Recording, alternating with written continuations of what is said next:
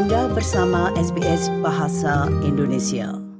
Pertama-tama saya terima kasih kepada uh, Pak Isfet dari PPLN Melbourne dan juga Bu Juli dari PPLN Sydney. Pemungutan suara untuk pemilu tahun 2024 ya khususnya untuk di Australia itu tinggal hitungan hari dan pencoblosan akan dilakukan pada tanggal 10 Februari. Nah, saya pengen tahu nih, mungkin masing-masing ya dari PPLN Melbourne dan PPLN Sydney, persiapannya gimana? Mungkin dari Pak Isfad dulu, silakan. Baik, Mas uh, Abi. Selamat siang untuk Bu Yuli juga yang ada di sana. Ya, untuk Melbourne saat ini kita sudah istilahnya 99 persen sudah siap ya. Tinggal kita sekarang ini sedang menerima DPTB yang harus kita terima sampai hari H, yaitu DPTB yang datang dari teman-teman atau pemilih di luar negeri. Kalau yang dari dalam negeri untuk keluar negeri yang pindah memilih sudah tidak ada lagi kesempatan karena sudah ditutup pada tanggal 3 kemarin dan yang boleh kita terima sekarang adalah DPTB atau pemilih yang pindah dari katakanlah dari Sydney ke Melbourne atau dari negara lain ke Melbourne di luar negeri. Oke. Okay. Itu yang sedang kita lakukan sekarang. Ya. Oke. Okay. Kalau Bu Juli dari Sydney persiapan terakhir seperti apa? Kalau dari Sydney, oh, saya sapa dulu Sohib mentor kami nih. Selamat pagi Pak. Selamat pagi Bu Ya, siap. Ya, Pak ini.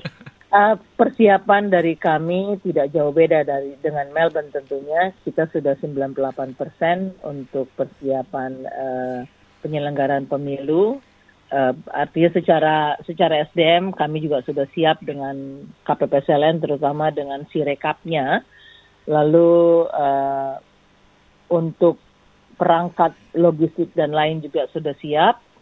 Hanya tinggal uh, finishing yang harus kami lakukan pada saat ini terutama kepada petugas-petugas kami KPPSLN maupun ketertiban dan secara kebetulan kami juga didatangi oleh Eh, beberapa pejabat dari Jakarta untuk memantau dan melihat perkembangan pelanggaran pemilu. Itu saja. Sampai hari ini mungkin boleh diberitahu ya, baik Melbourne atau Sydney, berapa jumlah pemilih yang sudah terdaftar, baik itu eh, DPT maupun DPTB. Silakan. Mungkin Bu Juli dulu deh. Baik, uh, dari Sydney total DPT kami tentunya tidak berubah sejak 21 Juni yang lalu 14.162.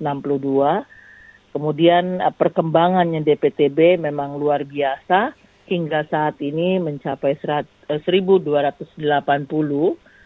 eh, yang masuk ke kami hingga saat ini sedangkan yang keluar itu hanya 44 saja.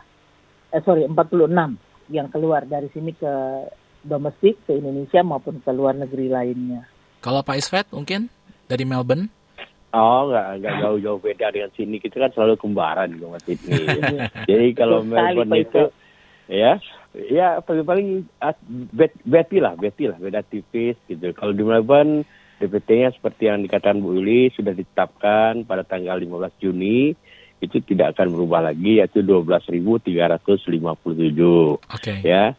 Nah, sementara untuk DPTB yang tercatat sampai tanggal 3 kemarin itu adalah 1000 183 kan beda tipis sama Sydney kita sama lah gitu sister brother yes ya brother kita ya ya gitu oke okay. Kan beberapa waktu lalu saya sempat ngobrol-ngobrol ya sama teman-teman dari KPPSL and Melbourne itu kan uh, dari situ uh, kita tahu bahwa untuk Melbourne sendiri uh, pencoblosan akan dilakukan di uh, Konsulat Jenderal Republik Indonesia di Melbourne dan itu dilakukan pada pukul 9 pagi dan TPS akan ditutup ditutup pada pukul 7 malam. Nah, uh, Bu Juli untuk Mel untuk Sydney di mana diselenggarakannya dan dari jam berapa sampai jam berapa? Dan juga kan mungkin PPLN Sydney ini kan juga untuk pemilih yang di wilayah uh, Queensland dan South Australia juga ya Bu ya. Mungkin bisa dijelaskan Betul. juga untuk yang Baik. dua tempat lainnya. Silakan. Ya. PPLN Sydney tentunya mengikuti wilayah kerja perwakilan uh, pemerintah di sini, uh, eh, KJRI Sydney. Uh, kami PPLN melakukan di tiga wilayah, New South Wales, Queensland, dan South Australia, tentunya akan terbagi tiga wilayah TPS. Kita hanya ada TPS dan POS. Uh, di Sydney sendiri terbagi dalam 18 TPS jumlahnya. Kemudian di Queensland itu ada dua dan di South Australia dua. Kalau di South Australia tetap kita menggunakan tempat uh, seperti 5 dan 10 tahun lalu di uh, State Library. Lalu di Queensland kita adakan di uh, Islamic College Brisbane. Uh, lokasi tempatnya itu cukup bagus, terakomodir semuanya di dalam. Lalu yang di New South Wales kali ini berkaca pada tahun 2019 selama kami mengadakan pemilu di Sydney khususnya selalu diadakan di tempat yang berbeda. 5 sampai 6 suburb yang berdekatan di mana kantong masyarakat Indonesia banyak. Tapi belajar lagi dari yang kemarin ternyata membuat satu kesulitan secara SDM bagi PPLN Sydney yang hanya bekerja uh, lima PPLN. Okay. Lima PPLN berarti bertanggung jawab kepada satu gedung uh, atau satu TPS, wilayah TPS. Kemudian hal yang kedua membuat kesulitan juga buat kami ketika kami menyewa gedung ada batasan waktu yang diberikan toleransi yang diberikan hanya perpanjangan satu jam. Hal ini yang pernah terjadi di tahun 2019, okay. khususnya yang ada di uh, town hall, karena uh, town hall itu merupakan tempat point of interest turis. Jadi ketika itu DPK-nya sangat-sangat luar biasa dan membludak. Mm-hmm. Sementara kami dibatasi dengan waktu hanya boleh sampai dengan jam 6 perpanjangan waktu sampai dengan jam 7 belum kami clear up dan lain sebagainya sehingga tidak bisa dapat mengakomodir para DPK yang saat itu datang hanya modal uh, paspor. Nah, belajar dari situ kami uh, mencoba untuk pemilu kali ini diadakan dalam satu area.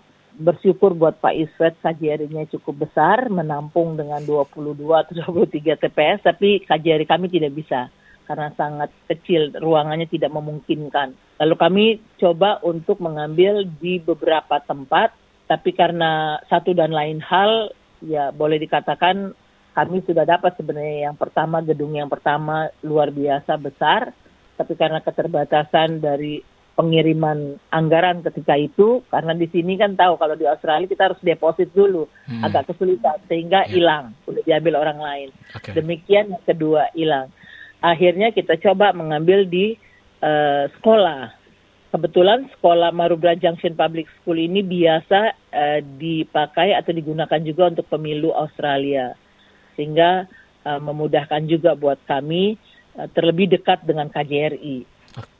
Jadi hanya sekitar lima menit dengan kendaraan. Dan pada saat kami memutuskan untuk diadakan di satu lokasi, itu pun kami adakan random mengundang dan beraudiensi dengan masyarakat. Nah, terjadilah sekarang satu uh, TPS 1 sampai dengan 18 diadakan di lokasi sekolah Marubra Junction Public School yang cukup luas. Hmm, ya, itu. Bravo, bravo Bu Yuli, bravo. ya. Namanya usaha ya Pak Iswet ya. Iya, iya tahu tahu. Kita udah tahu perjuangan Bu Yuli berat kali itu, ya betul. Okay. Seberat badan Pak. Iya iya iya. Oke, um, sekarang saya tanya Pak Isfet, tadi kan uh, Bu Juli kan sudah bilang nih, wah enak banget nih Melbourne kak, konsulat jenderalnya kan besar gitu kan. Nah, artinya kan dengan diadakannya di konsulat jenderal membuat PPLN Melbourne ini kan punya keuntungan ya Pak ya dari segi menghemat biaya, tidak menyewa gedung dan juga untuk waktu kan seharusnya lebih fleksibel itu. Cuman pertanyaannya adalah kenapa hanya dis diselenggarakannya dari pukul 9 sampai pukul 7 malam, which is itu uh, sekitar 10 jam, Pak. Gitu, silakan. Ya, oke. Okay. Saya jawab terakhir dulu. 10 jam itu adalah peraturan KPU yang menyatakan bahwa hmm. ya untuk penyelenggaraan hari pemilihan pencoblosan di luar negeri hanya diberi durasi waktu 10 jam. Ada tertuang dalam aturan KPU. Undang Jadi ya undang-undangnya ya. Jadi uh, untuk yang kedua, kenapa di KJRI yang pertama saya harus uh, disclaimer dulu bukan gratis ya, uh, It, itu lahannya yang gratis, tetapi kita kan harus sewa tenda. Tenda Betul. itu depan belakang kita pasang itu the costly sekali itu. Okay. Ya istilahnya kalau kita beli mobil ha Harvard di Indonesia udah dapat itu satu ya. Okay. Nah, Yang kedua, kenapa harus di KJRI? Ah, kita harus bedakan. Bu Yuli dapat tempat di sekolahan, mungkin ya itu TPS-nya bisa bisa agak luas. Kalau kita nanti Abi lihat sendiri TPS kita yang 22 dipaksakan di halaman KJRI dengan uh, ruang yang sangat-sangat minim minim gitu, tidak sesuai dengan standar KPU ya. Jadi uh, itu itu perbedaannya. Untuk yang lima tahun lalu saya sudah berpikir kalau akan ya, terjadi pemilu 2024, saya berpikir menyewa gedung di luar. Tetapi kemarin kita sudah sepakat dengan teman kalau di luar kita melihat lagi ya samalah rule-nya di sini dengan Melbourne sama punya keterbatasan waktu sehingga kita nanti antisipasi juga dengan waktu seperti kejadian Sydney yang menyatakan bahwa waktunya hanya satu jam yang di di, di extend di, di dispensasi sehingga kita tidak bisa early voting atau mempersingkat uh, waktu pemilihan itu. Makanya itu pilihannya jatuh ke KJRI lagi walaupun dalam keadaan sempit-sempit lah gitu. Sempit-sempit gulita gitu. Gitu hmm. pertimbangannya. Oke, okay, Bu Juli, um, berkaca dari apa yang terjadi lima tahun lalu di Sydney sampai bertanya sampai ke Indonesia kan tentang TPS ditutup sampai masih banyak orang mengantri. Apa langkah PPLN Sydney agar hal ini tidak terjadi lagi untuk pencoblosan pada hari Sabtu besok? Oke, okay. berkaca pada tahun 2019, eh, satu hal yang kita harus apresiasi kepada KPU bahwa KPU sudah menegaskan di dalam undang-undang bahwa DPK ini yang membuat uh, banyaknya pemilih kan adalah karena DPK. Membuat undang-undang bahwa DPK itu dibatasi. Jadi yang tidak ter, uh, artinya yang tidak hal yang pertama yang tidak terdaftar pada DPT dan DPTB masuk DPK. Tapi DPK ini pun disaring lagi. Kalau dia datang karena turis, kita tidak bisa terima. Jadi kita utamakan DPK itu yang tinggal di wilayah kita dengan menunjukkan bukti ID. Contohnya, sekarang ini kan tidak hanya di Australia tapi di dunia lain pun mengatakan masih banyak yang belum memilih Eh, mendaftar. Sama di sini juga. Jadi kalau memang dikatakan masih banyak yang belum mendaftar, kita akan mengikuti aturan dari KPU, DPK tadi. Tidak terdaftar di DPT dan DPTB, tapi berdomisili di sini. Jadi kita akan menanyakan uh, paspor tentunya nomor satu, kedua ID untuk menandakan ya. tinggal sini. Nah itu yang Betul. membuat lalu itu banyak DPK. Nah itu memudahkan kami untuk kali ini. Hal yang kedua, kita coba mengadakan, eh, me, ya artinya mengadakan dengan sistem antrian. Kita akan memasang, eh, kalau bapak ibu, eh, bapak-bapak pernah lihat di New South Wales Service, itu ada print tiket, kita dapat nomor yeah. berapa kan gitu ya. Itu kita coba menggunakan kios dan menggunakan sistem antrian tiket. Di dalam antrian tiket akan tercantum nomor urut antrian dan TPS di mana dia akan mencoblos dan TPS ini pun disesuaikan dengan penetapan screenshot di dalam cek DPT online. Kemudian hal lain, secara kebetulan uh, sekolah ini agak besar ruang di dalam karena kami akan bagi dua. Satu ruangan untuk memang steril untuk TPS yang hanya boleh masuk orang yang berwarga negara Indonesia dan mempunyai uh, hak DPT atau memilih kemudian petugas-petugas lain dengan menggunakan ID mereka masing-masing baru boleh masuk. Di luar dari itu kita akan alihkan mereka ke satu ruangan. Secara kebetulan karena ini pesta demokrasi kami juga membuat basar. Jadi wow, di tempat mantap. basar itulah nanti semua kita alihkan. Kan di Australia atau di Sydney khususnya kan banyak uh, masyarakat Indonesia yang mix match.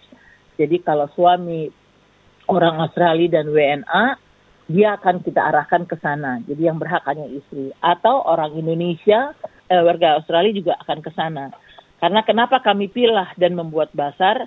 Lagi-lagi kita berkaca kepada tahun 2019 karena di saat itulah kami karena hanya petugas satu PPLN tidak bisa mengontrol uh, siapa WNA dan siapa WNI ketika itu. Karena akses pintu masuk. Kita tidak terlalu banyak. Ya inilah kekurangan ketika kita mengadakan di gedung saat itu. Karena hanya satu PPLN. Jadi berkaca kembali lagi pada 2019 kita coba untuk memilah itu. Jadi dalam satu dua ruangan atau dua tempat steril dan yang untuk bazar. Nah, kemudian dengan sistem antrian, semua kita akan arahkan mereka dengan cepat, petugas ketertiban yang akan melakukan, masuk ke dalam satu ruangan, ada ruang basket, ada ruangan eh, permainan anak-anak. Jadi lokasi itu bisa menampung sampai dengan lima ribuan orang. Wow. Artinya kami berusaha untuk menghindari antrian panjang di luar karena sekitarnya itu kan masyarakat, rumah-rumah rakyat. Kita nggak mau, kita berusaha untuk meng- ada semua di dalam satu ruangan sekolah. Ya, kira-kira itu bi. Oke. Nah, sekarang Pak Isfet. Pak, eh, saya tahu eh, konsulat jenderal itu mungkin eh, lapangannya baik itu halaman depan, halaman belakang itu lumayan luas gitu. Tapi dengan dibuatnya tenda untuk TPS, artinya kan pergerakan orang yang datang itu akan menjadi lebih sempit gitu.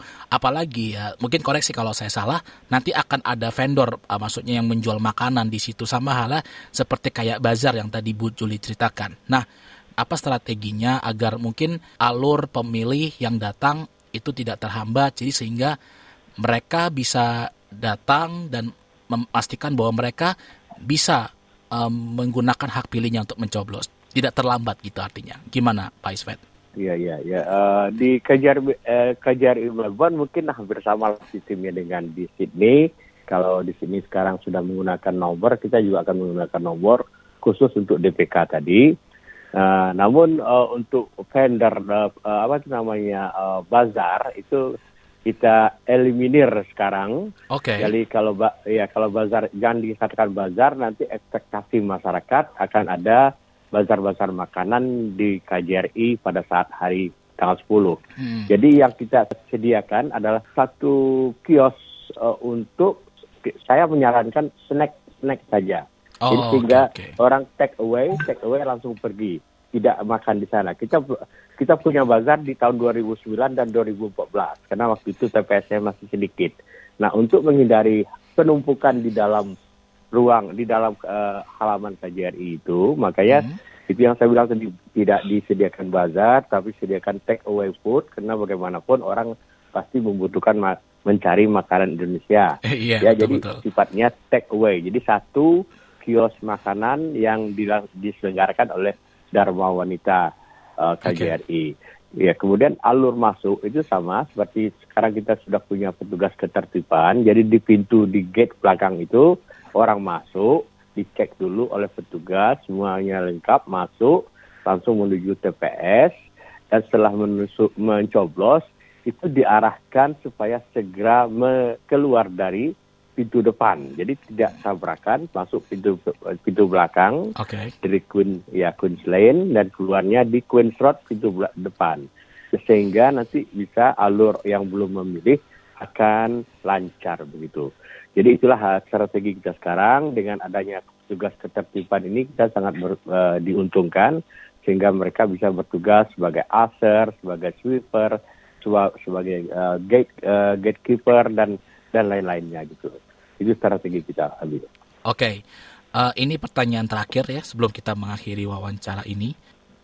Apa yang ingin disampaikan kepada para pemilih ya atau mungkin himbauan kepada para pemilih yang akan mencoblos pada tanggal 10 nanti di wilayah masing-masing. Eh, silakan mungkin Bu Juli dulu silakan. Oke.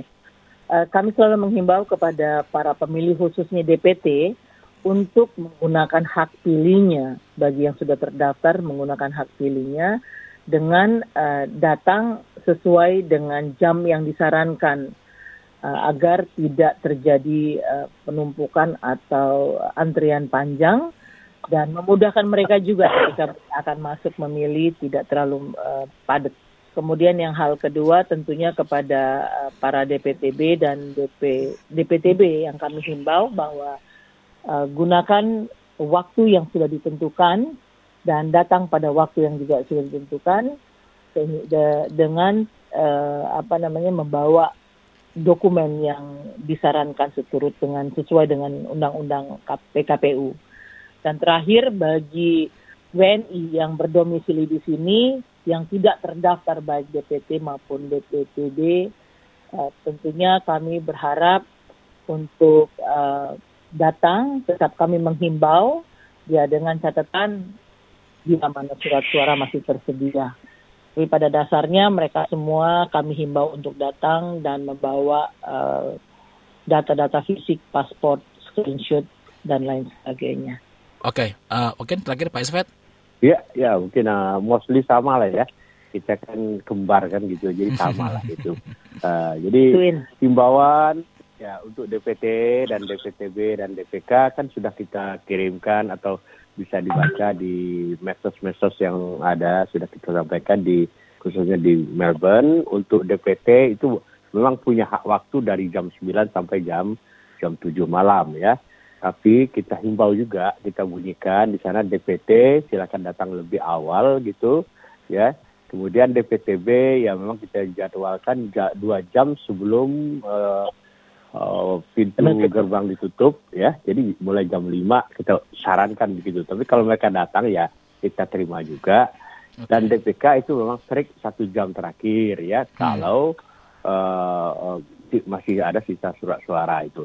Itu sudah aturannya begitu. Okay. Namun yang penting, yang penting itu setiap pemilih maupun DPT, DPTB dan DPK kalau datang silakan jangan lupa membawa ID paspor hmm. ya yang masih berlaku ya, yang masih valid. Hmm. Atau kalau tidak ada surat keterangan dan surat segala macamnya yang bisa menunjukkan itu adalah ID Anda dengan foto ID.